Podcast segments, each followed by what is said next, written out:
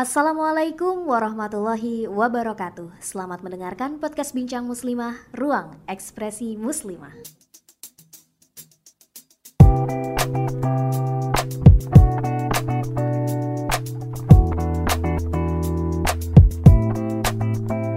Assalamualaikum warahmatullahi wabarakatuh.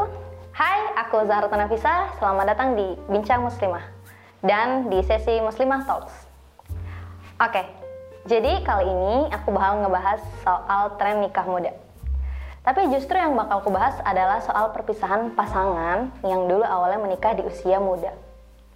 Emang sebenarnya nikah muda itu umur berapa?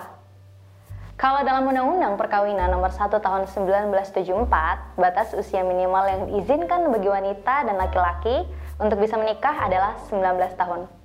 Ketetapan ini pun merupakan hasil revisi pada tahun 2019 yang sebelumnya mengizinkan perempuan untuk menikah dengan minimal usia 16 tahun dan laki-laki 19 tahun.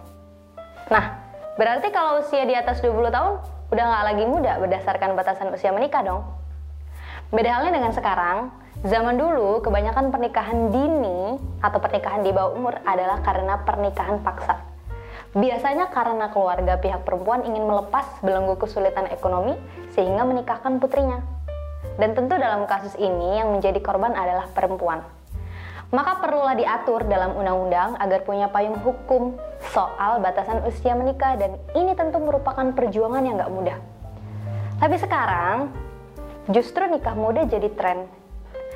Meskipun sebenarnya ada yang sudah melewati batasan usia minimal, tapi sampai akhirnya kan kita tahu ya, kalau ternyata muda dan tua itu nggak cuma soal angka, tapi soal kepribadian dan cara berpikir.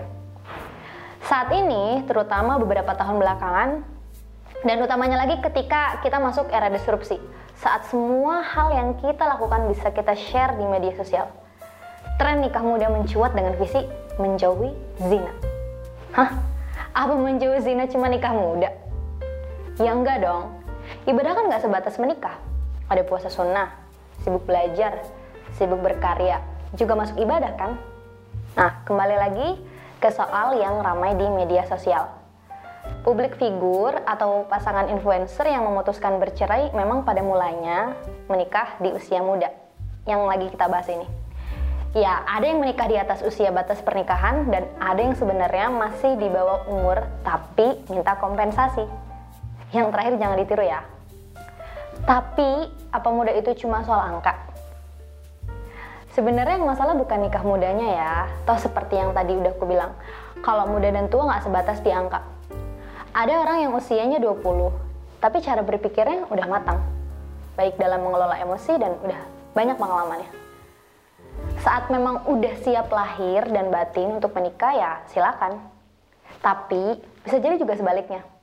Secara angka kuantitatif, orang itu dikategorikan dewasa, tapi ternyata cara berpikir dan pengelolaan emosinya belum baik. Pengalamannya juga minim.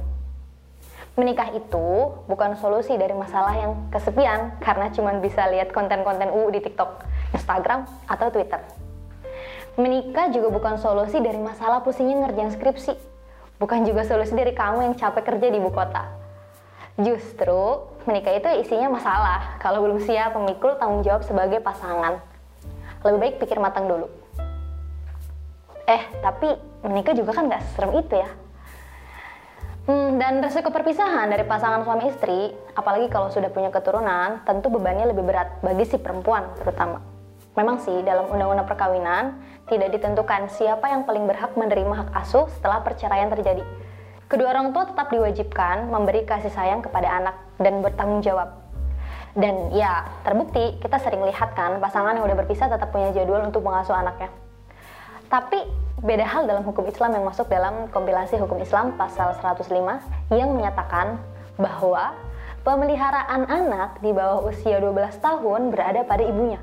Sedangkan jika sudah di atas 12 tahun, mereka berhak memilih. Tapi kamu coba pikirin deh, para perempuan ya, sebelum memutuskan untuk menikah, berapapun usiamu, tanyakan pada dirimu sendiri, apakah sudah bijak dalam mengelola rasa sedih, amarah, atau kecewa? Apa kamu menikah karena sudah menemukan atau karena kamu cuma ingin melepas belenggu beban hidupmu? Pikirkan, karena akan ada banyak perubahan pengalaman bagi perempuan setelah menikah, baik secara pengalaman biologis maupun sosial. Karena setiap keputusan itu tentu ada konsekuensinya.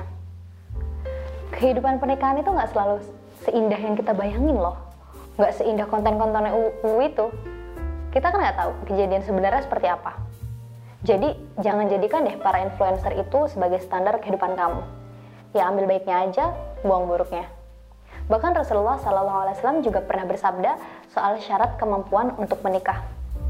An Abdullah bin Mas'ud radhiyallahu anhu qala qala Rasulullah sallallahu alaihi wasallam ya ma'syara syabab man istata'a minkum al-ba'ah falyatazawwaj fa innahu aghaddu lil basar wa ahsanu lil farj wa illam yastati' fa alaihi bis-sawmi fa innahu lahu wijaun Imam Qurtubi mengartikan bahwa kata syabab di sini yang berarti pemuda adalah mencakup laki-laki dan perempuan yang berusia rentang 16 sampai 32 tahun. Sedangkan Imam Nawawi membatasi sampai 30 tahun. Ulama memang berbeda pendapat mengenai makna ba'ah. Namun yang paling benar atau paling banyak diikuti adalah kemampuan berhubungan seksual. Artinya, jika memang belum sanggup dengan risiko berhubungan seperti hamil, memiliki anak, menafkahi, ya berpuasalah atau melakukan ibadah lainnya. Jadi, menikah bukan solusi dari menjauhi zina. Dan nikah pun bukan hanya soal itu, tapi banyak tanggung jawab yang harus dipikul oleh kedua belah pihak. Kalau kamu punya pandangan soal menikah muda atau pengalaman yang berkaitan, coba deh kamu komentar di kolom komentar. Oke, segitu aja dari aku. Sampai ketemu di video selanjutnya. Assalamualaikum warahmatullahi wabarakatuh. Selamat mendengarkan episode selanjutnya dan terima kasih kamu sudah mendengarkan podcast Bincang Muslimah. Wassalamualaikum warahmatullahi wabarakatuh.